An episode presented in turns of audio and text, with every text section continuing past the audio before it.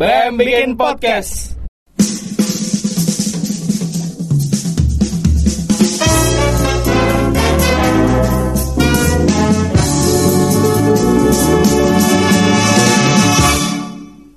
Episode 1 BM bikin podcast. Iya. Iya. Oke, di episode kali satu eh, kali ini di episode berikutnya setelah episode pertama kita bikin podcast, eh, kita akan ngebahas demokrasi digital temanya.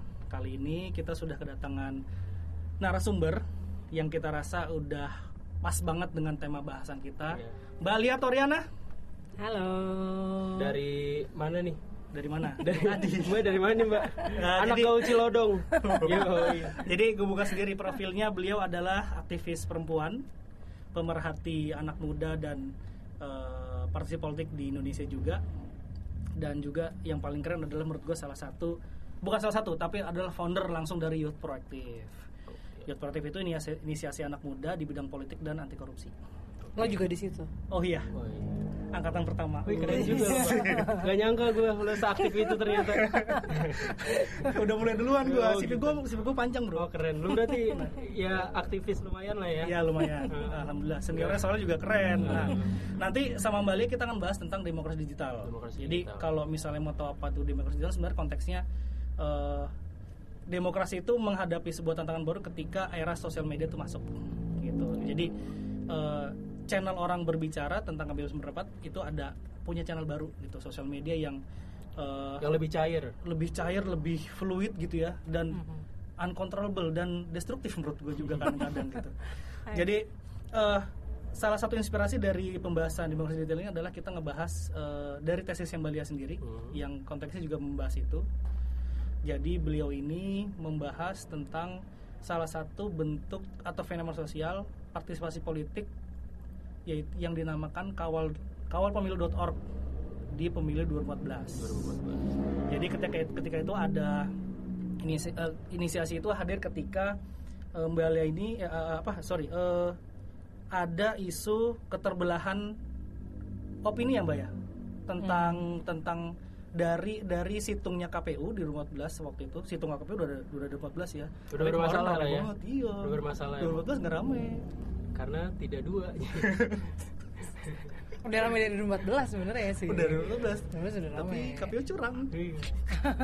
Jangan nanti jadi tendensius bahasan kita. Oke, kita lanjutin aja kayaknya. Iya, nah, situng situng situng KPU pada saat itu eh, diterima dan dicerna oleh publik eh, menjadi berbeda ketika ternyata eh, suaranya justru menggeser opini orang di luar sana gitu sehingga apalagi keterli- adanya keterliba- keterlibatan eh, pol apa Apa tuh? Gue masih kecil Survei tuh, politik. 14. Iya. terkait quick count yang juga akhirnya malah menambah kisruh tentang hasil eh, penghitungan suara di penghitungan 2014. Nah, Oh. hadirnya kawal pemilu Tor ini adalah sebagai solusi atau eh, sebagai pembanding kurang lebih gitu Mbak ya Mhm, mhm. untuk eh,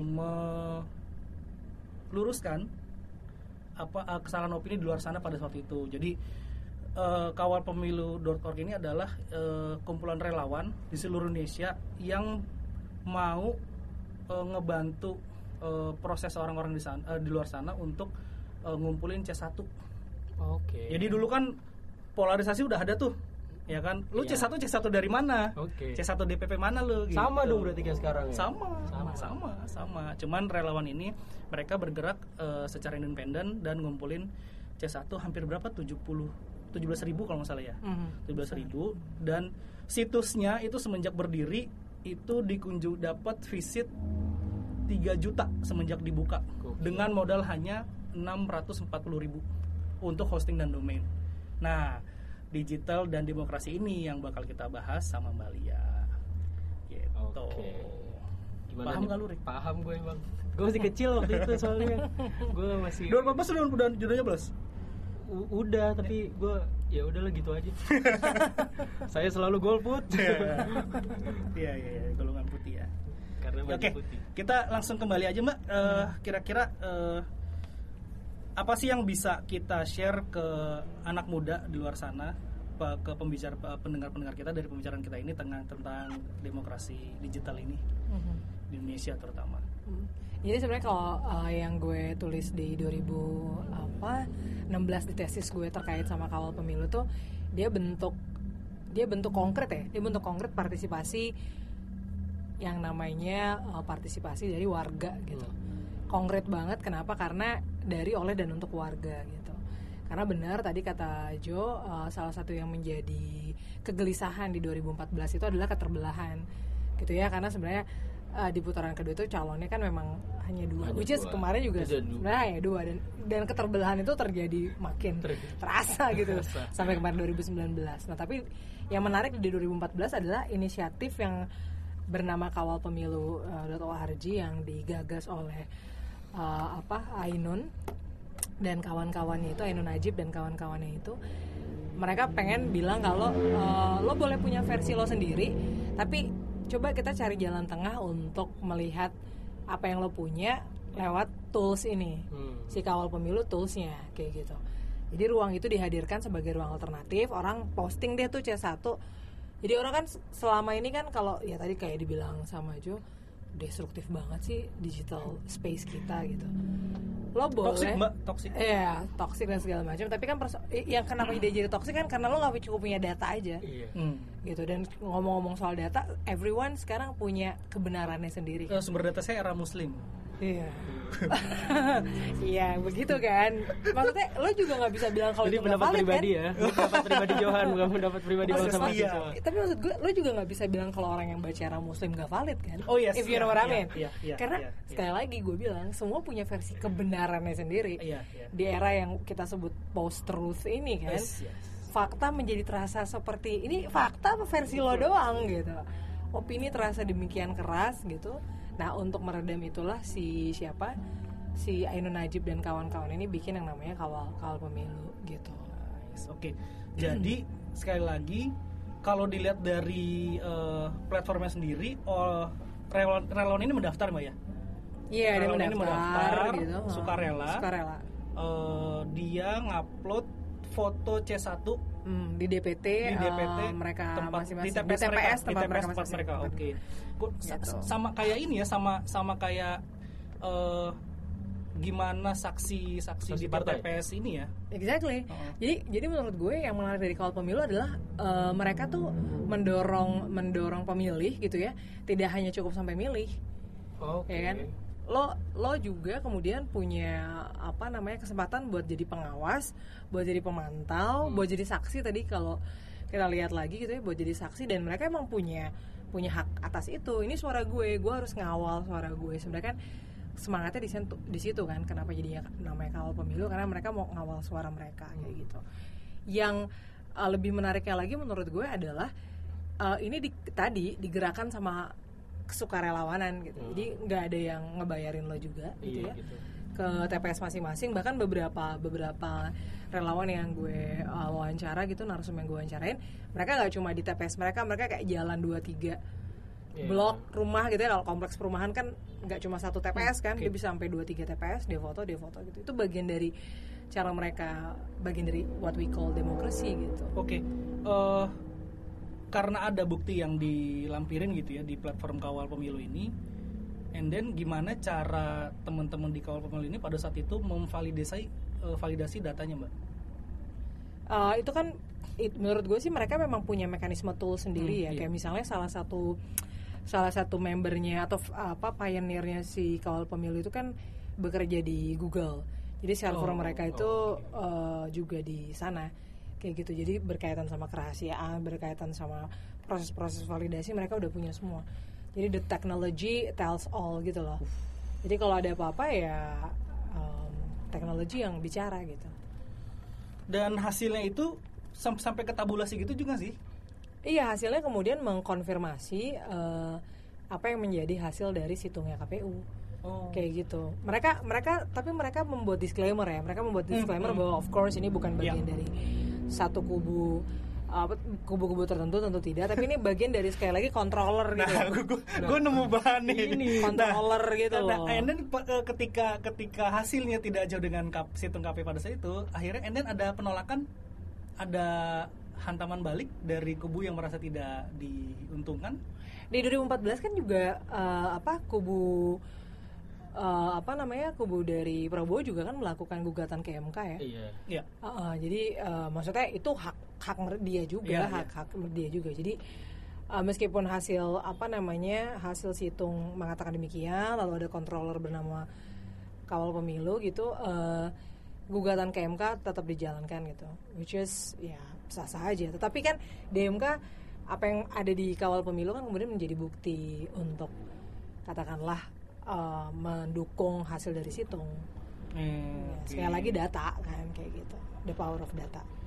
Dan apa namanya tabulase itu mengkonfirmasi eh, bahwa ternyata bahkan eh, sipil pun gitu ya eh, netizen itu juga bisa berkontribusi terhadap eh, gimana berjalannya demokrasi demokratisasi di negara kita. Ada andil lah ya nggak cuma Nggak ngebacot. Iya. Nggak cuma main hashtag doang loh. Iya nggak cuma main hashtag doang. main hashtag eh tapi ngomong soal main hashtag kalau di teori ilmu politik ya itu bagian dari partisipasi loh oh ya Oke.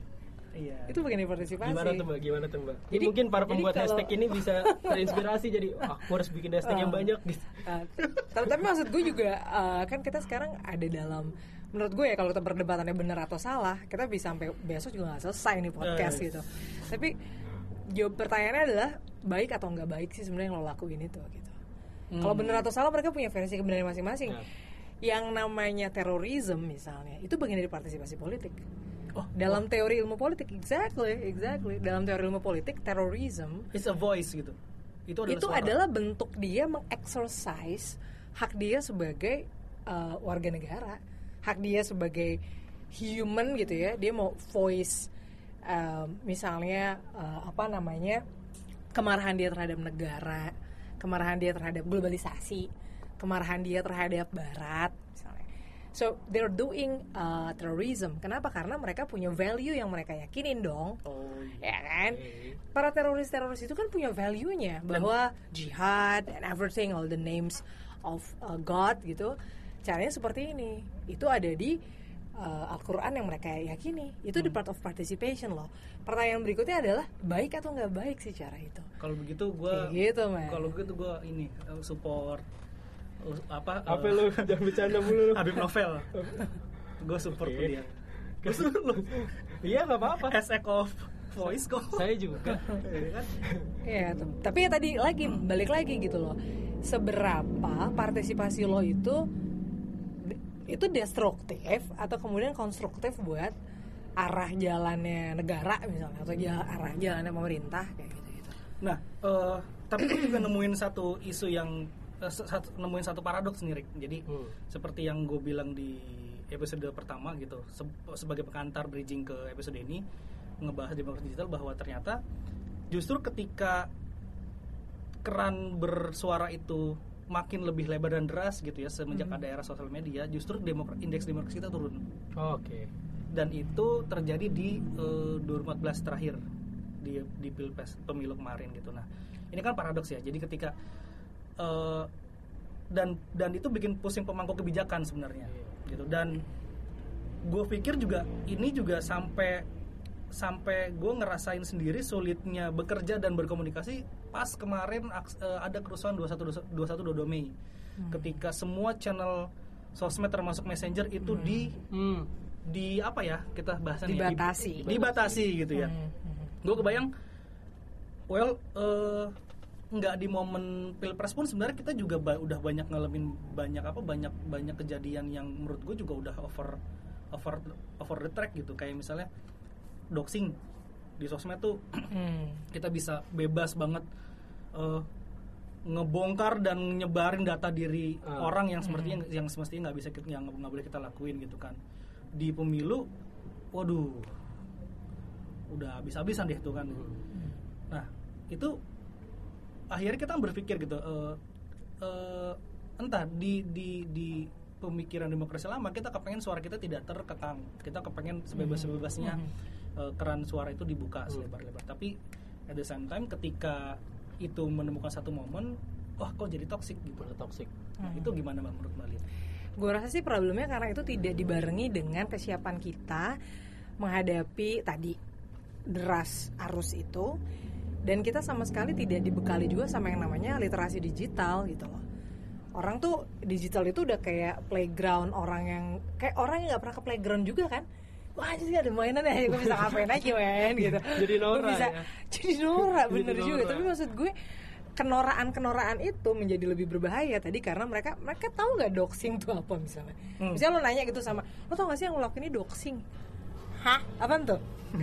Bahwa ternyata itu dia bahwa ternyata itu itu eh, apa namanya itu kontraproduktif sama eh, ruang-ruang ini mau kita gunakan untuk hal yang sebenarnya jauh lebih jauh lebih membangun demokrasi gitu ternyata lo bisa lo ngedoxing kayak gitu ternyata lo bahkan bisa ngebullying juga kan online Yes. bull- cybercrime online Yes. bullying is everywhere Iya, kayak iya. gitu nah tadi pertanyaan lo menarik juga tuh soal kenapa indeks demokrasinya malah jadi turun Hmm. sih Indonesia what happened Hmm, hmm. karena itu tidak dibar karena menurut gue hal-hal yang tadi apa kesemerawutan itu gitu ya yang tadi lo bilang ini kayak udah toksik banget itu tidak dibarengi dengan atau direspon dengan hal-hal yang juga sifatnya uh, represif dilahirkannya undang-undang ITE misalnya. Wah, Hmm. you know what I mean? Jadi represif gitu. Sekarang nih gue mengalami ya gue mengalami banget. Gue tuh misalnya mau bikin you know posting something yang menurut gue itu bagian dari kritik. Apa salahnya sih kritik? Kita kan pengen pemerintah yang jauh lebih baik. Hmm. harusnya nggak anti kritik dong. Lo mau kritik nih tuh kan sekarang udah ada terms and conditionnya men. Kalau ada apa-apa sedikit gila hati-hati lo bisa kenal ntar dilaporin lo. Wah gitu. Ruang kita tuh sebenarnya luas tapi sempit ini bisa di mana-mana lo bisa ma- bener bener media sosial is like everywhere lo bisa akses dia di mana pun 24 per 7 tapi lo mau agak-agak nyerempet dikit lo udah ketakutan duluan Hmm. atau lo udah yang kayak anjing lo hati-hati lo lo bisa kena undang ITE nih tadi gue ngomong anjing sorry ya bebas, bebas aja. kayak si gitu-gitu. pendiri nggak peduli. Ini kok yang punya kita. punya kita. ya kayak gitu loh Kit- kita itu menjadi orang yang dikasih mainan tapi hati-hati ya mainannya bisa meledak suatu waktu lo nggak tahu kapan tuh meledaknya. Bom waktu. exactly my point. Menarik tadi tuh eh, kalimatnya. Ruang kita itu luas tapi ternyata sempit. Dan UITE itu wah asli emang itu ah, luar biasa apa? Eh, ada ada horor di belakang itu gitu. Iya. terakhir di sosiologi sendiri kajur kita kena ya Iya. exactly kajur kita Kan? kena gitu dan syukurnya alhamdulillah sekarang sudah Udah- sudah cooling down Sudah cooling down. dan sudah kembali pas banget setelah pasca pilpres sekarang udah kembali sudah kembali ke jurusan Karena jadi ini gak sih bang? Apa? eh, pasal karet kan iya, jadi ke, ke apa?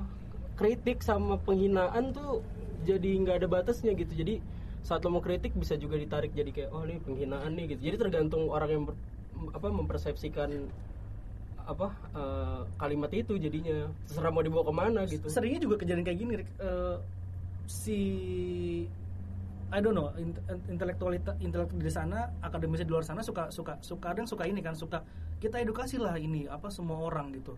Eh, kritik itu dengan data kritik itu membangun jangan yang gimana gimana tapi ketika ada kritik juga orang dikenain ITE juga. Iya. iya. Itu kan gimana nggak gue juga ngerasa aduh mau ngomong gue takut iya kan padahal sebenarnya lo kayak punya banyak banget kayaknya sih nggak kayak gini nih Iya, sebaiknya gitu. begini sebaiknya begitu ya lo sekarang milih konten juga mesti banyak konten di kepala tapi lo mesti Konten pilar kita terbatas jadinya, Iya, lo konten pilar kita terbatas. gitu lo menjadi kayak ini sen- terlalu sensitif gak ya gitu ya kayak kemarin deh beberapa minggu lalu gue rasa ini masih fresh juga berkaitan sama buku deh Yes. Razia. Oh kita angkat itu di itu Iya, kita. ada. Kita Oh, angkat di oke. postingan kita Iya. dan salah satu teman dari pelaku razia itu sampai mention si yang melakukan razia. Tapi nggak kita gubris.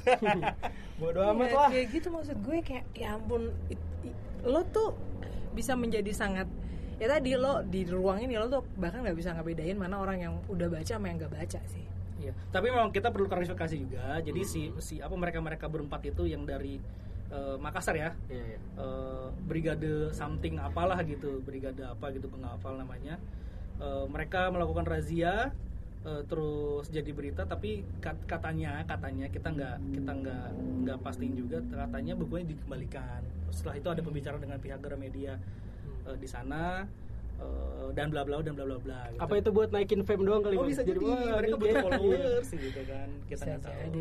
Naikin fame aja biar terkenal nih kelompok gue.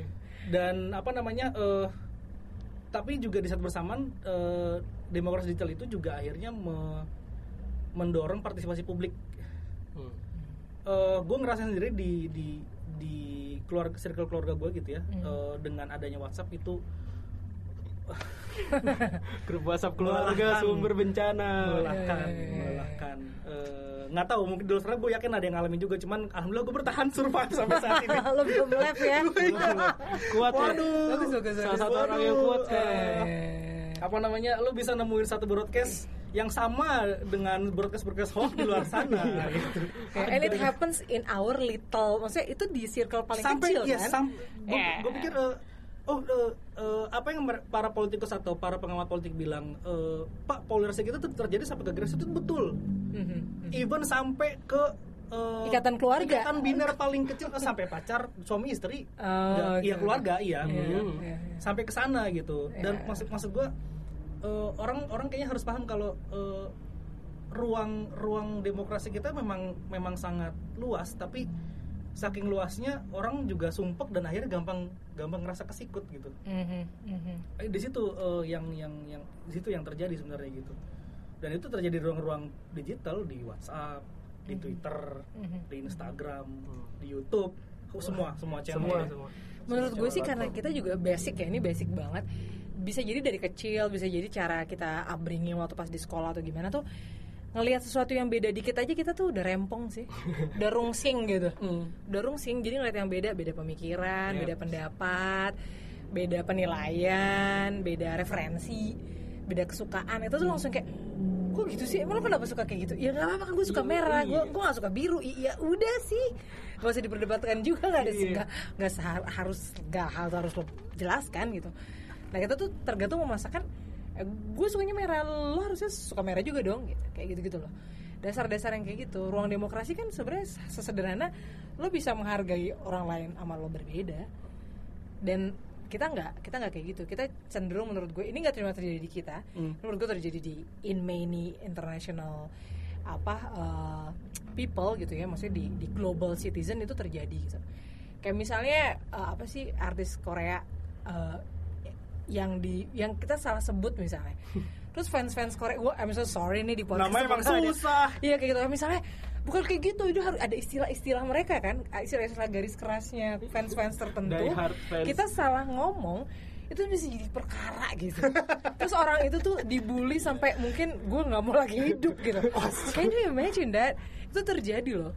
Kayak misalnya nggak cuma artis Korea Beyonce misalnya. Beyonce kan punya die hard fansnya juga. Misalnya ya ada lah salah satu teman kita Willy sang Willy.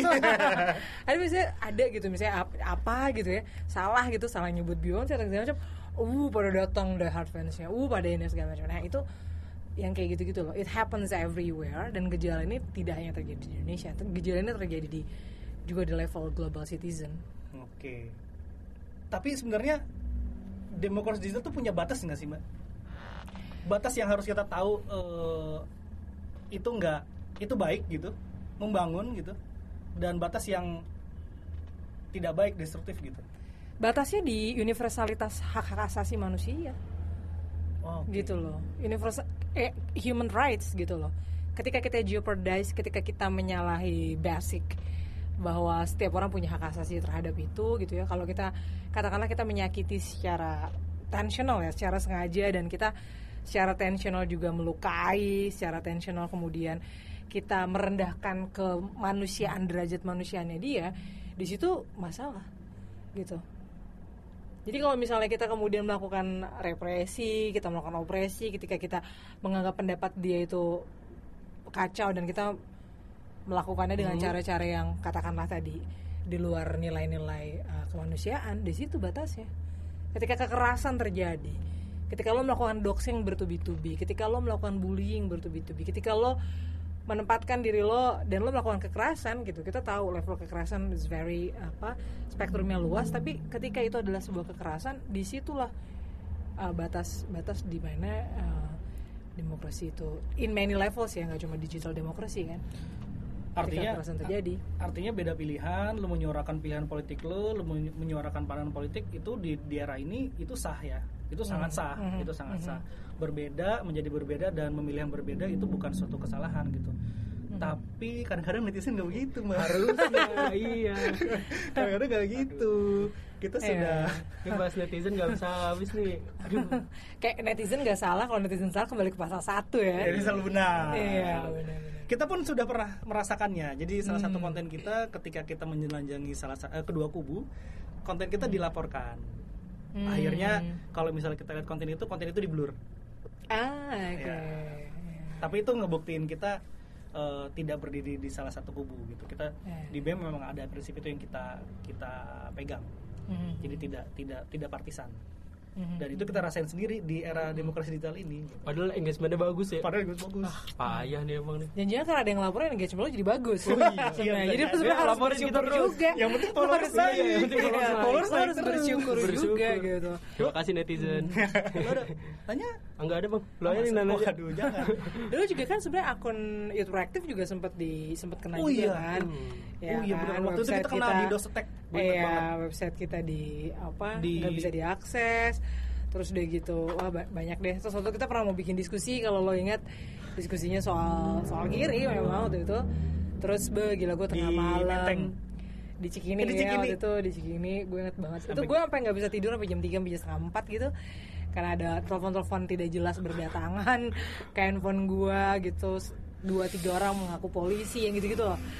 Jadi it happens offline and online dan rasanya nggak enak banget men rasanya nggak enak banget rasanya lo tuh kayak teralienasi kayak lo bukan warga negara aja gitu iya bener bener gue eh, yang apakah itu pelakunya sama kayak yang di LBH oh Bukan, bukan. coba kita Maaf, Pak. tanya mas-masnya bener nggak? Eh, gimana Jadi dulu eh, iya bener eh, website Youth Proactive itu eh, komunitas anak muda di bawah yang di apa eh, yang didirikan oleh Mbak Leni. Gue ingat banget itu 2014 kita kena serangan di dosetek istilahnya. Hmm. Jadi at the same time eh, website lo nerima 1000 hit lebih sampai akhirnya server down. Dan itu nggak bisa diakses sampai ber- berhari ke depan. Itu itu sempat gue baca dari Google Analytics sendiri. Terus and then iya betul eh, anak-anak YP pada situ pernah ngad- per- punya program konten namanya ngopi ya mbak ya? Iya. Ngopi ke berapa ya mbak ya? Gue lupa udah belasan lah udah belasan. dan itu sering banget nge paling memang sering ngadain di sekitar Cikini dari belasan itu baru ini doang ya masalah yang terakhir. Baru itu doang. Padahal eh, padahal isu-isu lain juga seru. Kita pernah ngebahas tema-tema anti korupsi ngundang-ngundang teman-teman KPK langsung. Kita ngebahas tentang pemilu juga gitu. Dengan berbagai macam eh, warna dari berbagai macam eh, apa pembicara gitu. Tapi Iya. kali itu doang. Dan gue gue datang hari itu. Karena Benar. kalian membahas kiri. Iya. Iya. tapi at, at the same time dan juga itu kita ganti poster kan Oh, kita ganti iya. poster jadi serius. foto gambarnya siapa ganti poster terus uh, jadi awalnya kan uh, bukunya ada Palu Arita gitu Oh, kan iya, iya, iya. bukunya lah segala macam kita ganti poster posternya adalah uh, muka orang nih, uh, iya, mulutnya sama. ditutup sama apa namanya Palu Arit lakban iya Palu Akban ditutup sama lakban kita mau bilang kalau kita sebegini sebegini ya, sulitnya iya. gitu sebegini sulit tapi kita nggak sendirian ya kita punya banyak teman-teman relawan juga punya teman-teman apa namanya uh, supporter juga yang support kita gitu loh kakak-kakak senior juga aktivis-aktivis hebat lah. Teman-teman LBH udah udah temenin kita juga di di proses itu. Berarti Kayak gitu. sebenarnya kayak kekacauan yang ada di media sosial tuh mbak yang ke- apa ya kalau bisa bilang uh, keruwetan dalam berpendapat di media sosial itu kayak cuman jadi pindah platform doang dong yang tadinya ada di dunia nyata terus dipindahin ke virtual doang sebenarnya kan. Jadi nggak sebenarnya nggak bukan hal yang baru juga gitu jadinya. Karena ya gitulah. Cuma akhirnya adanya media sosial bukannya memberi warna baru cuman mindahin platform keributan itu doang yang tadinya sebelumnya ada di dunia nyata akhirnya dipindahin ke media sosial. Karena tadi kebenaran itu kan jadinya nggak ada Nggak absolut. iya nggak Hmm, absolut nggak jadi absolut. semua orang punya pendapat akhirnya ada satu pihak yang nggak senang sama pendapat akhirnya udah gitu Iya, gue setuju, gue setuju, gue setuju itu karena eh, apa namanya kehadiran digital itu apa namanya eh, menghilangkan batas ruang kan utamanya Hmm. gitu kan dan waktu juga gitu. Apa yang terjadi di Papua sekarang kita bisa tahu gitu, Hmm. apa yang kejadian di Makassar kemarin kita bisa tahu di pagi harinya gitu. Tapi kayaknya juga nggak nggak nggak semua apa eh, peristiwa kayak tadi juga nggak dialamin sama kelompok satu kelompok A B C aja tapi kayaknya hampir semua kelompok Iya. juga begitu ya di era Iya, iya, iya, Jadi iya, iya. tapi memang benar ternyata kayak, kayak garis garis merahnya adalah di ketika kita tidak siap eh, bertemu dengan sesuatu yang beda dengan kita gitu. Mhm. Jadi demokrasi itu demokrasi itu tuh seakan-akan kayak semacam angin besar yang menyikap tabir gitu sehingga lu bisa ngeliat semuanya gitu dan lu kaget gitu Kaget. wah anjir ini apaan gitu Hmm, hmm. orang jadi paranoid orang jadi jadi apa sensitif Insecure. Oh, jadi ngerasa insecure gitu Mhm. eh 2020 kiamat gitu misalnya Hmm. eh 2012 sorry filmnya udah lewat 2020 apalagi nih yang kiamat nih. Eh, 2020. Oke. Ya. Tapi valid tadi yang dibilang sama Erik ya. Jangan-jangan emang cuma pindah platform. Gue gue bahkan malah di titik gue ngerasa jangan-jangan itu representasi aja. Iya. Jadi apa yang terjadi di media sosial tuh sebenarnya apa juga yang terjadi di di Di relasi kita iya. sehari-hari aja gitu. Kesemrawutannya mudahnya kita mendapatkan kabar-kabar gak benar terus kita Yep. menyebarkannya dengan dengan santai gitu tanpa melakukan validasi gitu sama kayak kan sebenarnya sama kayak zaman zaman untuk kayak zaman zaman untuk pas dulu mungkin lo sekolah kayak tau gak sih sih itu kan gini gini jadi emang sebenarnya gosip-gosip itu Hoax-hoax itu tuh udah itu ada sudah dari lakukan dari zaman dahulu kala men Cerita tentang Tapi- Mr. Gepeng salah satunya atau kolor hijau misalnya Iya. kan itu kan Iya, iya, dari, iya. dari- maksudnya itu itu terjadi di masanya tapi sekarang benar kata lo dia pindah vessel aja jadi kendaraannya beda aja Hmm. gitu. Nah kenapa jadinya sangat terasa cepat? Ya karena tadi vessel itu kendaraan itu membantu mengakselerasi semua jadi cepat. Hitungannya nggak detik men ikut hitungannya mikro detik tek. Nah, Cepet banget kayak gitu. Kaget mungkin orang biasa naik beca gitu sekarang dikasih Ferrari satu-satu jadi wah udah lo di jalanan sangat ngebut-ngebut aja sangat tuh. dan sangat efisien juga kan maksud gue murah Iya. segala macam murah banget sih gitu. butuh paket data doang Mungkin data doang. Data bahkan wifi gratisan Wifi gitu butuh paket dan kata kalimat mat- mantra mantra jet viralkan Anjir tuh. Ya, Jadi ini Mbak, ini ada pertanyaan dari salah satu salah satu followers kita nih di postingan terakhir kita. namanya siapa nih Namanya Irzandi Maulana. Wah, Maul panggilnya Maul. kompleknya Muka-muka lama. pasti ini di kompleknya jarang main nih Jarang main, Maul dia. anak baik nih maghrib pulang Ma- Bang maghrib pulang. Kalau nggak pulang digebukin sama emaknya. Karena bilangnya nanti diculik kolong wewe. Iya. Jadi ini ada pertanyaan dari dia. Hmm. Apakah digital society itu mempengaruhi demokrasi digital? Dan Hmm. pengaruhnya apa? oke apakah digital society mau mengaruhi demokrasi? Mm, demokrasi. Demokrasi digital. eh gue rasa iya. Ma- maksudnya itu pasti iya ya. Maksudnya secara teoretis kita tahu bahwa uh, basicnya uh, demokrasi kan salah satunya adalah warga kan? Hmm. ada people gitu loh. People power is democracy gitu. Jadi memastikan digital soci- digital society me- memengaruhi nggak sih demokrasi? Of course. Yes. Pasti gitu. Eh, keberadaan undang-undang ITE yang tadi gue bilang kontraproduktif itu adalah bagian dari bagaimana ruang digital society semakin menyempit kan? Iya. kenapa? Makanya indeks demokrasinya turun. Itu cuma salah satu faktor doang gitu loh. Belum hal-hal yang lain. Jadi of course itu mempengaruhi bentuk-bentuknya kayak apa? Bentuk-bentuknya adalah bagaimana misalnya kita eh, apa memanfaatkan ruang digital itu untuk misalnya soal pembangunan ya. Kalau misalnya di, di isu anti korupsi dulu kita punya yang namanya platform lapor kan yang di apa yang diinisiasi sama pemerintah. Jadi kalau lo punya kayak keluhan soal fasilitas publik puskesmas pendidikan sekolah dan sebagainya jalanan dan sebagainya lo lapor tuh ke si lapor itu platformnya yang digagas sama Bapenas dan KP4 saat itu. Lalu misalnya kalau lo sempat ingat clue Iya. clue-nya Buat warga zamannya- DKI. exactly. Itu kan bentuk bentuk cara lain juga lo lo nggak mesti datang ke kantor pemerintah tapi lo lapor di situ dan itu kemudian di apa namanya direspon. Kemudian ada cara-cara untuk of course itu mempengaruhi tidak hanya di sektor apa namanya pembangunan misalnya tapi sektor-sektor lain menurut gue penting. Persoalannya adalah kita mau menggunakan kendaraan atau vessel ini kayak apa? Lo kendaraannya buat ngebut-ngebutan nabrak orang sih bisa juga. Bisa aja. kalau lo kendaraannya digunain untuk transport people to help develop something ya itu akan jadi something. Tapi kalau enggak ya bijaklah jempol Selesai. anda Jempolan. boleh bijak. Dasar netizen. tapi gue gue sampai tapi gue nemu ini juga lo menarik ya. Pada nonton Black Mirror gak sih? Nonton. Oh nonton tuh. right. Itu menurut gue itu representasi itu itu Netflix enak saya banget. premium Eh, nose dive. Nose misalnya. dive tuh gila terus udah gitu eh, apa eh, White Christmas baik banget deh serial-serial dan yang kemarin juga yang apa eh, season 4 baru keluar dan segala macam. Maksud gue lo di di Black Mirror yang paling menarik dari Black Mirror lo tau gak sih satu simpulan dari setiap season nih itu adalah dia tuh menghajar kita pada hal yang modern Jadi tradisionalismenya kita nih, kita kan sebenarnya makhluk yang konvensional kan. Basically kita tuh punya basic.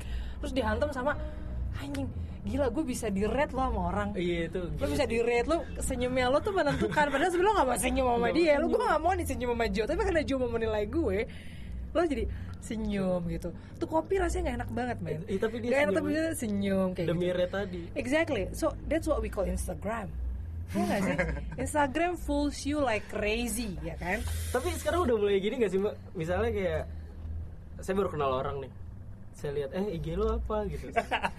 Gitu ya. Follow lihat nih followingnya lebih banyak daripada Gua followers. gua zaman gua Friendster, bro. iya enggak. Gua zaman gua Friendster. kalau followersnya lebih eh followingnya lebih tinggi dari followers tuh kita langsung nyimpulin kayak ah berarti ini orang culun nih gak famous. Iya sih. Iya, lu pernah gitu sih? Soalnya gue kayak sama teman-teman gue Aduh. culun nih kayak jalan Udah ada prijadis ya. iya tuh udah udah mulai oh, ternyata wah anjir bener juga nih ternyata gitu. Iya, iya, udah mulai berasa tuh. Ya kita kita memang dihadapkan pada distorsi-distorsi pemikiran itu sih. Lo jadi judgmental ya nggak dong, sih? Kayak misalnya kalau lo ngelihat eh, postingannya hitam putih semua, lo kayak kayak dia penyendiri, dia kayaknya Introvert. Dia introvert exactly. Padahal mungkin dia orang yang sangat gitu, outspoken dan sebagainya. Pemurung gitu. gitu. parah sih parah Iya, Iya, maksud gue Instagram gitu kayak eh anjir dia travel mulu, dia ini mulu lo nggak tahu mungkin dia pakai pay letter, lo kan nggak pernah tahu kan? Atau ya Pakai Shutterstock. atau mungkin ya kan atau dia ad di mana-mana gitu lo nggak tahu Iya. cicilan kartu kreditnya udah lama nggak dia bayar misalnya we just never know don't let Instagram fools you begitupun juga dengan kehidupan para what we call influencer what we call ya you know segala macam selebgram we just never know.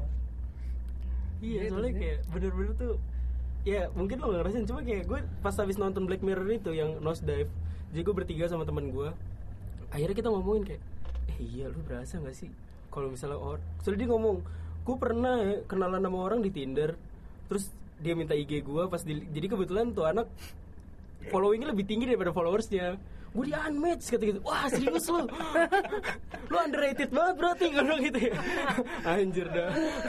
Parah sih. Iya, iya, iya, iya. Atau mungkin gini ya kalau misalnya Instagram tuh don't let Instagram uh, fools you, kalau Tinder tuh don't let Tinder uh, breaks you ya.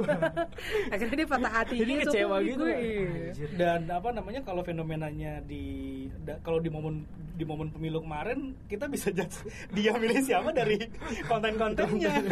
Exactly. Kita, Iya, kita iya. jadi orang yang sangat judgmental, cepat menilai orang. Bahkan sebelum dia bahwa- bukan bikin statement loh. iya Iya. Belum Iya. sebelum kita sebelum sebelum Iya. sebelum misalnya eh, apa namanya misalnya di next day-nya dia bikin post eh, mengomentari sesuatu secara bersama berseberangan dengan komentar si kubu ini misalnya gitu. Mhm. Tapi kita sudah wah anjing ternyata dia pendukung ini iya Mhm. dan di situ retak itu dari situ tuh bibitnya tuh. parah sih Iya. Dan cara kerja manusia, maksudnya cara kerja orangnya gitu loh kayak apa? Kayak algoritma kan? Oh, yang yes. udah Hmm. diciptain sama teknologi di setiap apps atau di setiap inisiatif-inisiatif itu udah algoritma lo. Kalau lo kebiasaan buka produk-produk sport, tiba-tiba lo buka apa produk sport. iya Karena the technology udah ngejudge lo sama kayak manusia ini akhirnya ngejudge lo kayak oh lo pendukung kubu 05 gitu ya. Uh, Iya. Itu Depok Bojonggede ya 05. Algoritma bubble itu Angkot. bener. Exactly, Yes, it happens itu bener. juga di relasi manusia gitu. Iya. Ketika kalau kayak, oh kayaknya dia tuh pendukung si ini deh kemarin, ah dia mah orangnya pasti misalnya, oh dia pasti mah pendukung, dia pasti sangat garis uh, kanan, ekstrim, oh semua label-label itu padahal enggak juga. Enggak juga. Atau sebaliknya, oh dia kubu ini, oh pasti dia em, apa gitu, pendukung LGBT gitu, apa. Maksud gue, no, nggak harus selalu gitu juga men, iya benar sih kayak gitu. itu bahaya sih Shit ya, gokil ya. Aduh. yang kasihan Bahaya. itu para ini bang para seniman-seniman gambar ya kayak misalnya si Om Leo tuh kalau lo tahu yang Hmm. ilustrator itu dia gambar dia bikin vektornya Ahok itu tadinya Instagramnya kebuka aja gitu kan tiba-tiba dia naik gambarnya di private dong Jeng, jeng. iya matiin rezeki orang parah parah banget Kayaknya saya tahu tuh army yang mana. yang army-army itu pasti. iya oke sensor nanti Oke. eh kita nggak ada nggak ada pertanyaan lain, tapi tapi pembahasan tadi bagaimana eh, konteks sekali lagi demokrasi digital itu eh, dan apa namanya eh, di sisi lain meningkatkan partisipasi publik juga karena memudahkan orang ya, getting information terus menyuarakan suara dia gitu. Tapi di saat bersamaan kontraproduktif dengan eh, impact dari bagaimana si netizen ini atau warga warga Warga dunia maya ini eh, nggak siap menerima gitu. Eh, dengan segala apa namanya informasi yang serba cepat gitu dengan dan dan apa eh, momentum momentum yang luar biasa happening di mana-mana akhirnya konflik kan itu jadi gitu kan. Iya. Nah, cuman gue juga jadi keinget ini tadi pada saat Mbak Lia membahas eh, efek uh, bubble effect di sosial media gitu. gue inget eh, kasusnya Cambridge Analytica Eh, Oke. Hmm. di Netflix sudah ada udah udah ada dibahas tuh eh, apa The Great Hack The Great namanya. Hack. Yes, gue udah nonton gitu. Dan apa namanya? Gue punya dua pendapat gitu. Pertama, yes, kita harus insecure soal data diri kita. Kita harus insecure, kita harus ya gue nggak tahu kalau lo lakuin ya gue kalau setiap kali download app sih gue nggak nggak nggak nggak baca lagi terms and condition kayak gimana Hmm. gitu karena yang gue download itu sebatas untuk kebutuhan kerja gue kayak bikin konten Hmm. komunikasi pastilah ya gitu ya Eh, sos- apa bersosial bersosial media pasti gitu tapi kalau untuk apps yang aneh-aneh gue nggak pernah Hmm. gitu jadi se- se- se- apa selama as, as long itu fungsional buat gue bikin konten gue gua akan pakai dan sampai sekarang sih nggak ada masalah gitu tapi di saat bersamaan gue gua mengagumi bagaimana si orang-orang di balik Cambridge Analytica ini bisa membaca psikografi eh, para pemilih yang pada saat di pemilu pilpres Donald Trump menang kemarin itu membaca mereka-mereka yang punya kecenderungan eh, menjadi swing voters. Mhm. Jadi kalau gue nggak salah ber- berasumsi intinya apa yang Cambridge Analytica, lakukan adalah sebenarnya mereka melempar konten untuk membaca opini dari kon- yang dari konten yang dapat engagement dari sekian banyak itu di mereka ngetres orang-orangnya siapa aja dan berusaha menentukan siapa-siapa di mana di mana dan akun dan akunnya apa yang punya kemungkinan si pemilik suara ini yang kemungkinan belum menentukan pilihan Hmm. Akhirnya dibanjiri dengan berbagai berbagai macam strategi konten and then akhirnya dia memutuskan untuk uh, memilih dan pada situlah uh, Cambridge Analytica sebagai salah satu konsultan politiknya. Donald, Donald Trump, berhasil ngasih insight ke Donald Trump untuk menentukan strategi politik. Itu menurut gue salah satu bukti uh, bagaimana uh, toolsnya di era demokrasi digital itu berhasil untuk membangun sebuah strategi politik sementara di, di zaman dulu kan kita masih konvensional kan Hmm. konvoy iklan Campaign, TV campaign gitu sementara eh, lu bisa melakukan satu satu strategi campaign politik itu di mobile handphone setiap orang Tapi dengan adanya keluar yang si Cambridge Analytica itu bukan jadi apa ya? Makin bikin orang insecure juga gak sih ada di dunia? ya akhirnya yang biasanya luar biasa sampai Iya. si Mark Zuckerberg juga dipertanyakan lu bisa lu, lu kok, kok bisa eh, eh, Cambridge Analytica iya. punya da- punya punya apa sekian banyak eh, data diri dari pengguna lu gitu. Platform lu aman nggak? Kan sempat dipanggil juga dia Google. Iya, iya. akhirnya dipanggil gitu. Cuman setahu gue Cambridge Analytica nggak tahu ya eh, di luar sana memang sempat ada sidang-sidang kongres gitu. Mereka dipanggil ke kongres untuk mempertanggungjawabkan yang lalu ngapain siapa yang bertanggung jawab gitu. Sampai akhirnya ada whistleblower juga bahwa iya yang kita lakukan ya itu me- me- ngasih insight eh, konsultasi politik ke tim sesnya Donald yang menyewa mereka gitu untuk dap- untuk untuk untuk untuk menentukan bagaimana mereka berkomunik- mengkomunikasikan program politiknya dan mengajak mereka untuk memilih eh, calon presiden mereka gitu. Cuman eh, di di Great Hack juga tidak dijelaskan sebenarnya eh, yang lalu ngapain. Cuman kalau gue baca mereka pakai pakai ads memang. Ads-nya ditargeting pakai targeting. Targeting itu gila pasti. dan dan maksud gue eh, semua itu kan eh, mereka reinventing aja referensi orang maksud gue gini lo lo nggak suka coklat gitu misalnya katakanlah ya. Lo nggak suka coklat Rick. Lo lo nggak suka lah coklat. Tapi lo dihajar untuk setiap hari ngeliatin iklan coklat Lama-lama kayak nggak mungkin lo jadi nggak suka coklat sih. Boleh lo pasti jadi gitu ya. penasaran kayak ini kok coklatnya beda sama yang lain? Nah. oh coklat ini terjangkau atau coklat ini membuat kulit lo glowing gitu ya misalnya. Ya skincare gitu ya.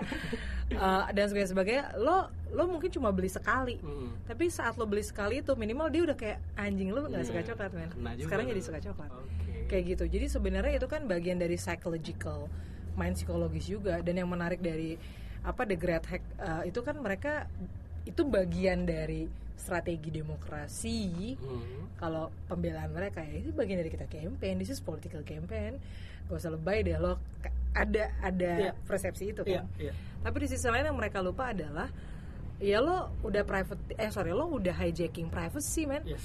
US negara yang privacy adalah the the apa ya the value gitu loh. Yang namanya di US tuh harusnya udah tuntas sama yeah. gila lo tau sendiri dikdaya negara sebesar itu gitu kan. Tapi nggak tuntas. Dan Zuckerberg ternyata juga kena denda juga kan. Kena akhirnya kena. Karena dia kena denda dan sebagainya sebagainya. Belakang eh, hari ini atau kemarin gue denger eh, FBI itu udah mulai karena kejadian-kejadian Cambridge Analytica aksesnya adalah dampaknya adalah FBI kepikiran untuk mengawasi kegiatan bersosial media warga US.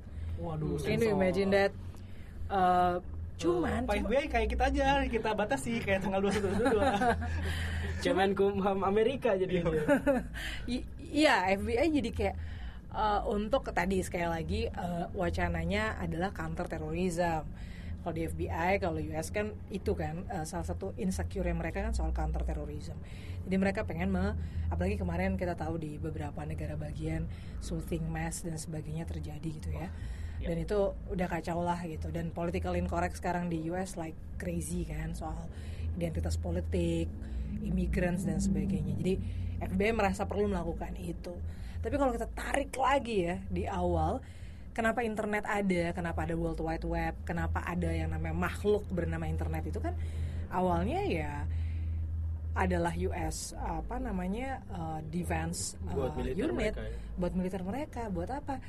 Ya buat masuk ke dalam ruang-ruang privat kita. Privat jadi sebenarnya ada nature yang kita lupa atau ada nature yang kita em, tidak bisa sanksikan bahwa yang namanya internet of things gitu ya itu jeopardize your privacy sebetulnya. Jadi dia kayak pisau bermata dua. Di sisi lain it exactly em, ya udah gitu ya emang udah ada di sana tapi nature-nya ya dia akan hijacking your privacy meskipun banyak inisiatif ya sekarang banyak banyak banget inisiatif untuk gimana protecting our data our apa privacy dan sebagainya tapi however uh, the big brother is still there Jadi buat teman-teman yang punya akun alt buat akun, Akun alter altar. ego, Anda terbaca juga. Eh, pengguna second akun. Hati-hati Dasar Anda. anak Jakarta Selatan. Gua dong. Oh iya. Oke Mbak Lia, eh, menarik banget. Eh, kita banyak banyak banyak sharing informasi, kita juga banyak kebahas ngalor ngidul juga gitu. Tapi intinya kita tahu bahwa eh, demokrasi in digital era itu luar biasa apa ya? Asemnya tuh super lah ya gitu. Mhm. Tapi juga ada horor di belakang itu gitu. Yang perlu kita waspadain juga gitu. Meningkatkan partisipasi, publik dalam politik, yes gitu. Eh, tapi di saat bersamaan ada potensi konflik juga gitu Hmm. yang bahkan jadi bom waktu gitu Eh, kita udah ngerasain lah 10 tahun terakhir ini gitu kan nah eh, jadi intinya adalah teman-teman eh, silahkan terus terus bersuara lah selama Selagi bisa. selagi bisa Hmm, selagi bisa. Eh, as long as long kita masih mengenggam asas-asas demokrasi yang baik gitu ya gunakanlah tools-tools itu gitu Eh, lo punya pilihan eh, dan bersuara bersu apa menyuarakan suara politik itu nggak nggak melulu tentang siapa capres gue siapa pilihan Ah. gue tapi is about juga isu-isu hak asasi manusia isu lingkungan dan lain gitu dan silahkanlah berkreasi dan berpartisipasi lah gitu karena dengan adanya digital era juga di demokrasi ini lo bisa ngelakuin dan menyuarakan minimal menyuarakan ya serendah-rendahnya iman untuk untuk lo bisa bersuara adalah menye- eh, ya lo nge-tweet dan dan sharing lah informasi yang berguna yang bisa bisa ngajak orang untuk terlibat dan eh, bergabung berpartisipasi gitu sampai sampai sampai selesai dari isu yang sedang dibahas. Thank you semua. Thank you Erik, thank you Mbak Lia, Thank you. Riana, eh, Thank you. atas partisipasinya sudah mau kita undang di podcast episode 01 BM Yeah. Bikin Podcast kali ini. Sampai berjumpa teman-teman di episode berikutnya. Episode podcast 03 BM bikin podcast 03 yang belum ditentukan apa temanya. 02 dulu. Hah? 02 dulu. Ini kan 01. Oh iya lupa. 02. 02. Oh iya. 02. Nah, saya cinta 02. Ya kan? Oke, terima kasih. Selamat malam, siang, pagi, sore buat teman-teman semua. ya kapan pun lo dengerin ini. See you. Kita akan kembali lagi. Dah, bye.